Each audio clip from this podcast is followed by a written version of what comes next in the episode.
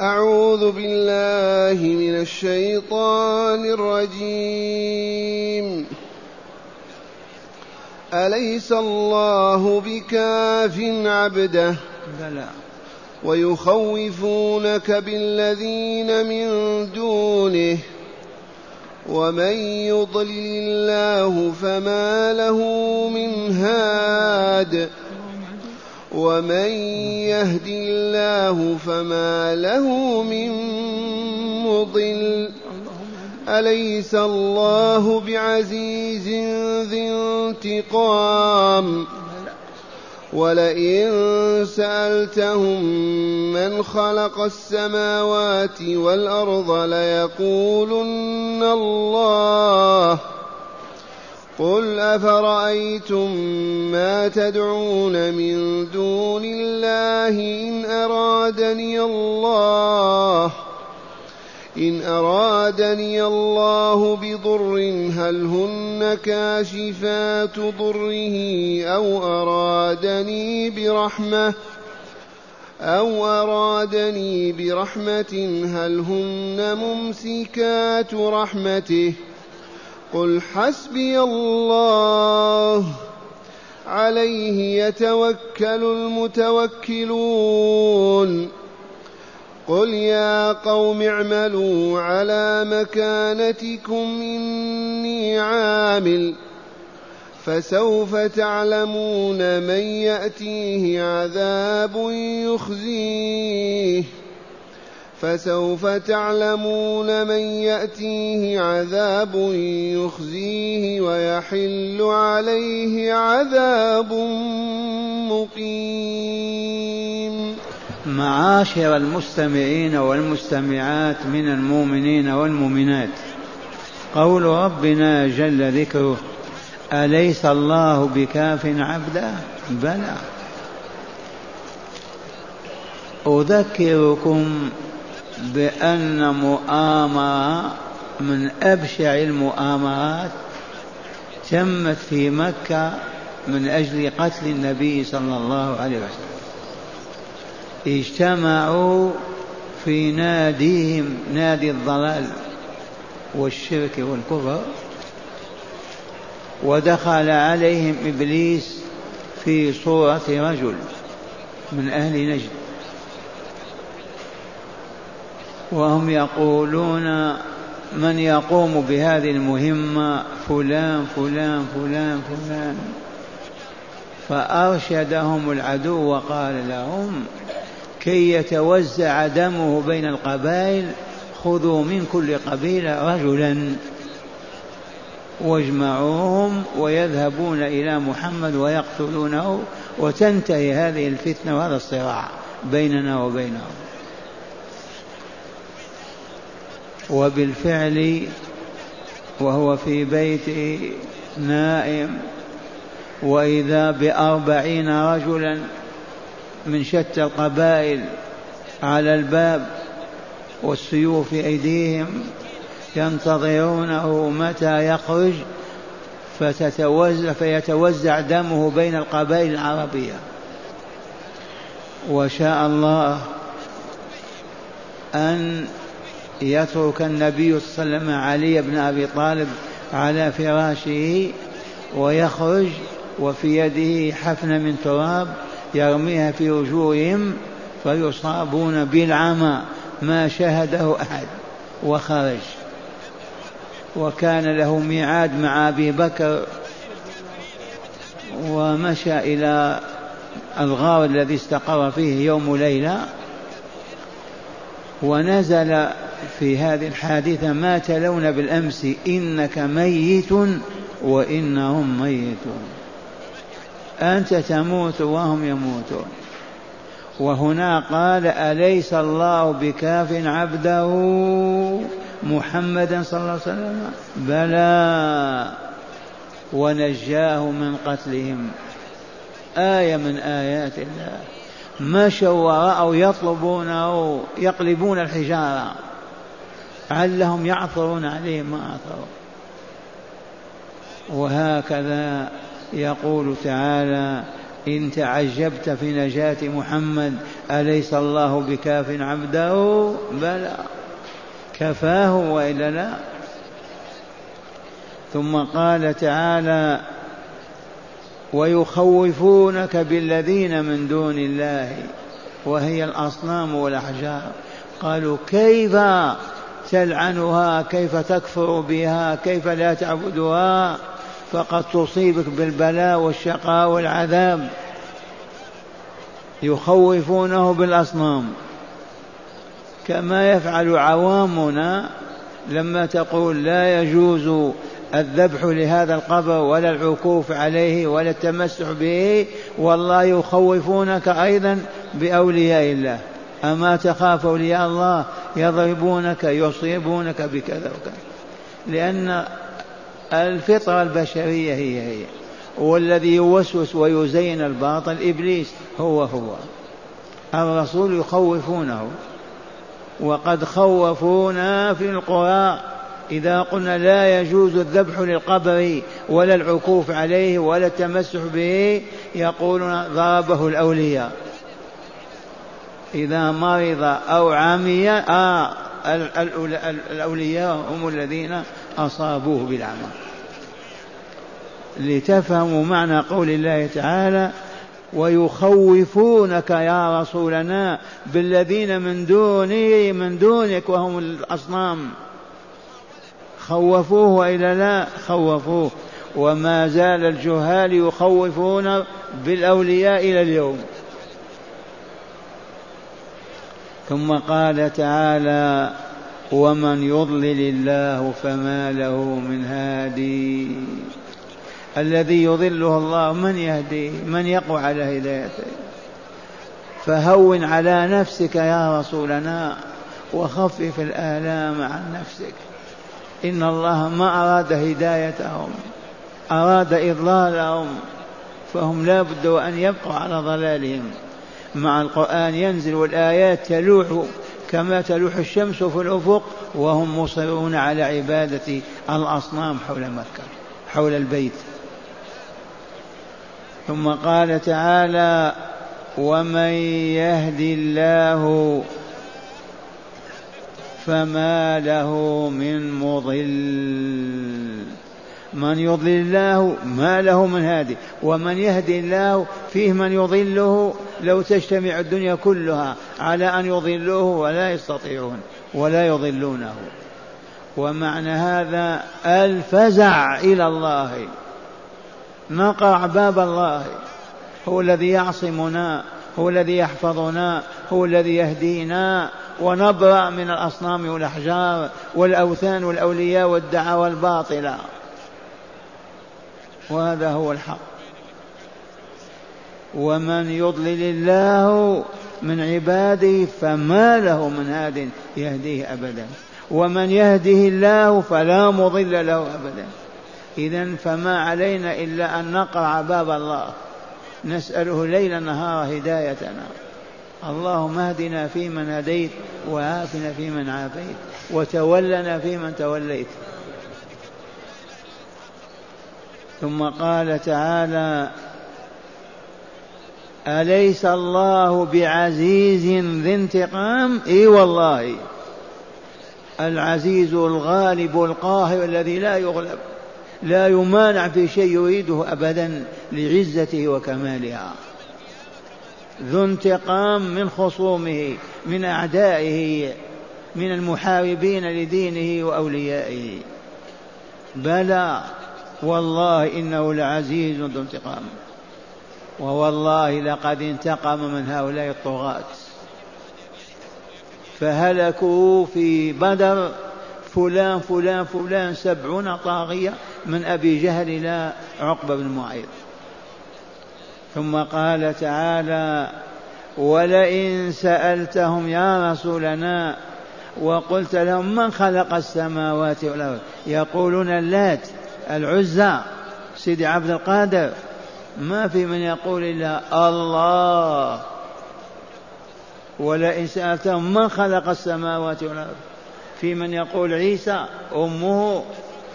المشركون يقول اللات والعزى لا أبدا ليقولن الله. إذ ليس هناك قول إلا هذا الله فقط هو الذي خلق السماوات والأرض. إذا فالذي خلق السماوات والأرض هو الذي يجب أن نعبده.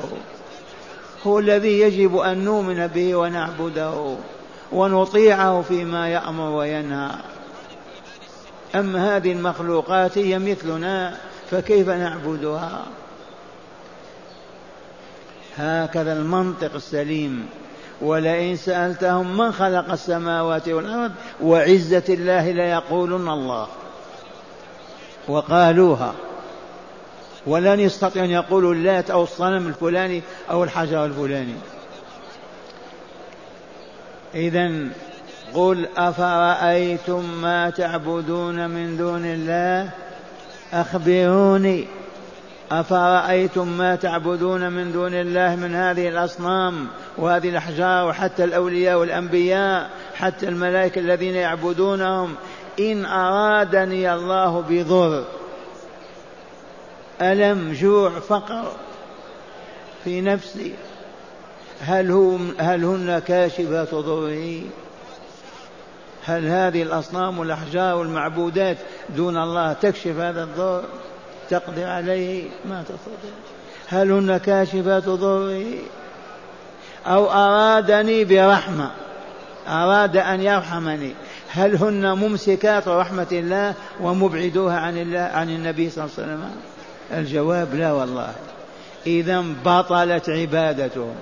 لا تصح أبدا. ما هم أهل لأن يعبدوا مع الله. كلام منطقي عقلي. فاسمع ماذا قال تعالى. يقول تعالى قل أفرأيتم ما تدعون من دون الله؟ ما تدعونهم أي تعبدونهم من دون الله؟ يدخل في هذا الملائكة والأنبياء والأولياء فضلا عن الأصنام والأحجار وكل ما عبد من دون الله. إن أرادني الله وأراد أن يضرني بضر يمسني بضر فقر والا مجاعه والا كذا هل هن كاشفات هذا الضر؟ الجواب لا والله. ما يكشفن ولا يقدرن عليه. هل هن كاشفات ضره أو أرادني برحمة يرحمني بها؟ هل هن ممسكات رحمة الله مبعدوها عن الرسول صلى الله عليه وسلم؟ والله ما كان. فلهذا لم يبق لنا إلا الله. قلوبنا مع الله عز وجل. لا نرفع صوتنا إلا بالله. لا نرفع كفنا إلا إلى الله لا نرجو ولا نامل إلا في الله عز وجل. إذ بيده الرحمة والخير وما عداه لا يملك شيئا.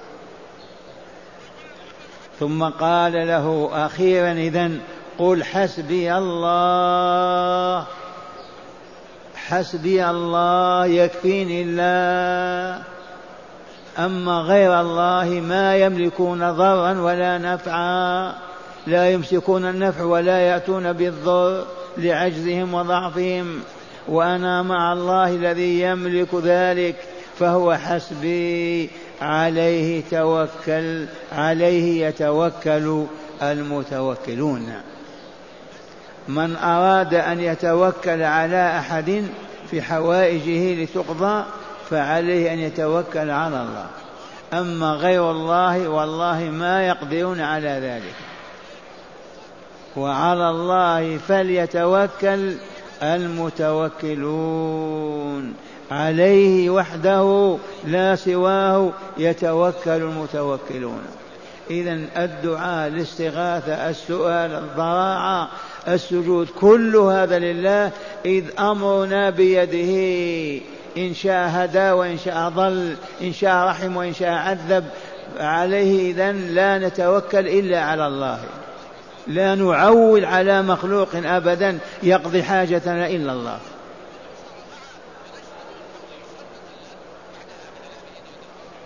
إذا ثم قال له أيضا قل يا رسولنا يا قوم اعملوا على مكانتكم إني عامل.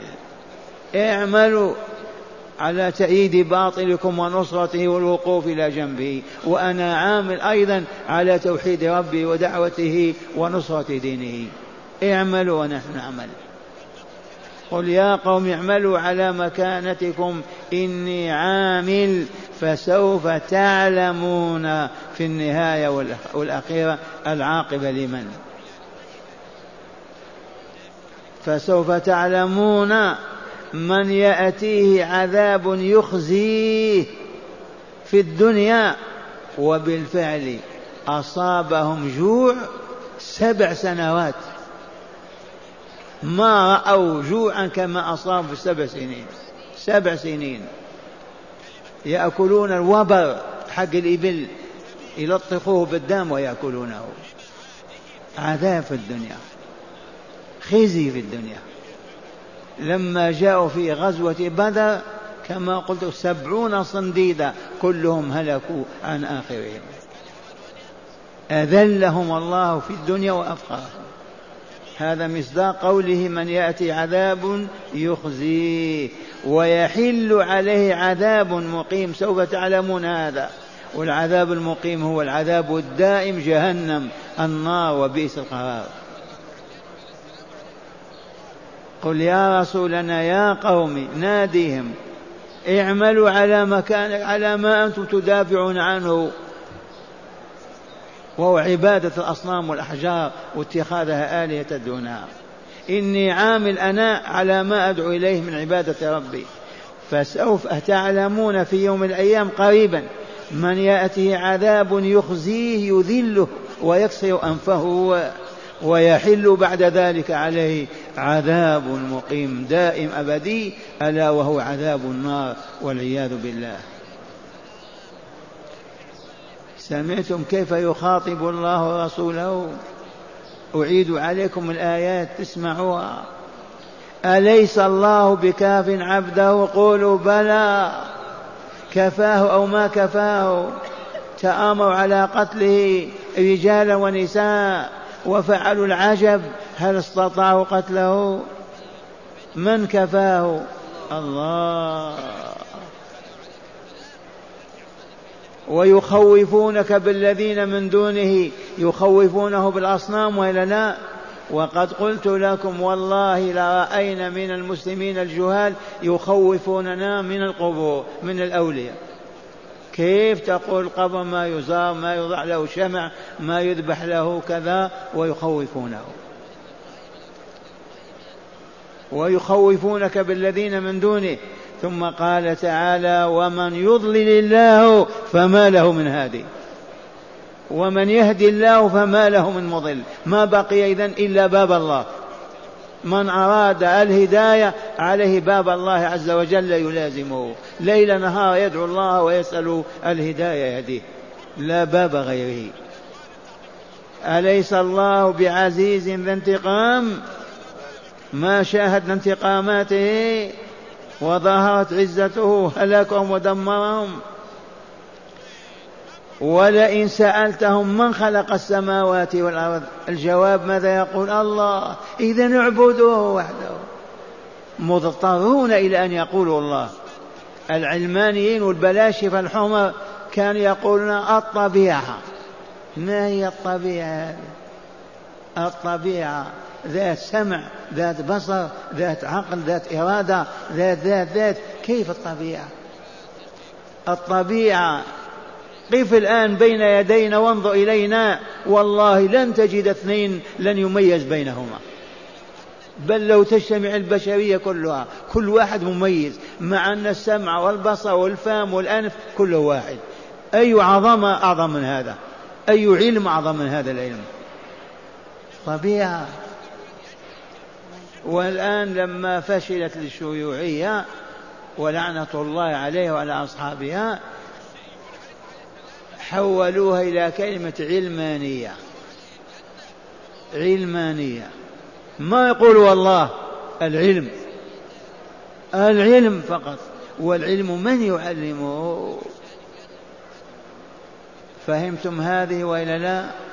أقول بنو عمنا اليهود ضاقت بهم الأرض لأنهم ما استطاعوا العيش بين المسلمين والمسيحيين في الأرض. ماذا يفعلون؟ أوجدوا الفكرة الشيوعية البلشفية ونشروها في أوروبا وحسبكم روسيا. ومن ثم ضعف تقديس المسيح وتعظيمه بين النصارى. وساد اليهود. وساد اليهود في العالم. والمسلمون هبطوا صرفوهم عن القرآن وحولوه إلى الموتى صرفوهم عن الله وحولوهم إلى القبور حتى هبطوا. ومن ثم ساد اليهود وأسسوا دولتهم. وهم يطمعون أن تكون دولتهم في الشرق الأوسط بكامله عرفتم هذه؟ آل يهود لما فشلت الشيوعية وتدمرت قالوا العلمانية. يأكل ويشرب يقول العلماني يقول الله هو الذي أطعمني وسقاني هو الذي خلقني وأوجدني. أي شيء الطبيعة هذه؟ العلم. قل أفرأيتم ما تدعون من دون الله؟ إن أرادني الله بضر هل هن كاشفات ضره؟ لا والله. أو أرادني برحمة هل هن ممسكات رحمته؟ لا والله. إذا قل حسبي الله يكفيني الله حسبي الله ونعم الوكيل. وعليه يتوكل المتوكلون. على من يتوكل المتوكلون؟ على الله لا على الدينار ولا الدرهم ولا الدولة ولا السلطان على الله وحده.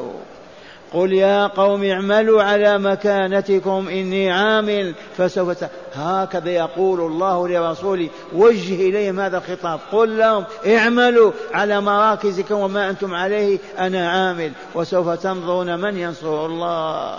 وتمت نصرة رسول الله وهزم الله المشركين. ومع هداية الآيات. بسم الله والحمد لله. والصلاة والسلام على خير خلق الله سيدنا ونبينا محمد وعلى آله وصحبه. من هداية هذه الآيات أولا تقرير كفاية الله وولايته لعباده المؤمنين وخاصة ساداتهم من الأنبياء والأولياء. بيان تقرير ولاية الله لأوليائه. الله ولي الذين آمنوا. وبخاصة الأنبياء والمرسلين. أولياء الله لهم ولاية الله يحفظهم يرعاهم ينصرهم يؤيدهم يهديهم. والآخرون الذين ولايتهم للشيطان يهزمهم الله ويذلهم ويخزيهم. كما فعل مع المشركين في مكة. نعم. ثانيا تقرير مقتضى الولاية. وهو النقمة من أعدائه تعالى لأوليائه وإن طال الزمن. أعيد تقرير مقتضى الولاية وهي النقمة من أعدائه تعالى تقرير, تقرير مقتضى الولاية. مقتضى الولاية أن الله يهزم أعداءه وينصر أولياءه. وهكذا في كل زمان ومكان. والله لو وجد اليوم مؤمنون أولياء الله مسلمون لنصرهم على أعظم دولة. وما أذلهم أبدا. نعم. ثالثا تقرير التوحيد وإبطال التنديد. تقرير التوحيد وإبطال الشرك والعياذ بالله وهي حقيقة لا إله إلا الله محمد رسول الله. رابعا مظاهر ربوبية الله الموجبة لألوهيته. مظاهر ألوهية الله خلق السماوات والأرض. الذي خلق السماوات والأرض ما يعبد من يعبد؟ من أجل هذه العظمة عبد الله عز وجل وأله وهو الإله الحق ولا يعبد سواه بحق أبدا. خامسا وجوب التوكل على الله واعتقاد كفايته لأوليائه. وجوب التوكل على الله واعتقاد أن الله ينصر أولياءه ويكفيهم. توكل على الله يكفيك الله. توكل محمد على ربه وإلا لا كفاه أو ما كفاه. أخرجه من مكة آمنا حتى وصل المدينة. مع البلاد كلها تطالبه بقتله. نعم. سادسا تقرير إنجاز الله لوعده لرسوله والمؤمنين. تقرير إنجاز الله وعده لرسوله والمؤمنين. ما هي إلا خمس وعشرين سنة فقط؟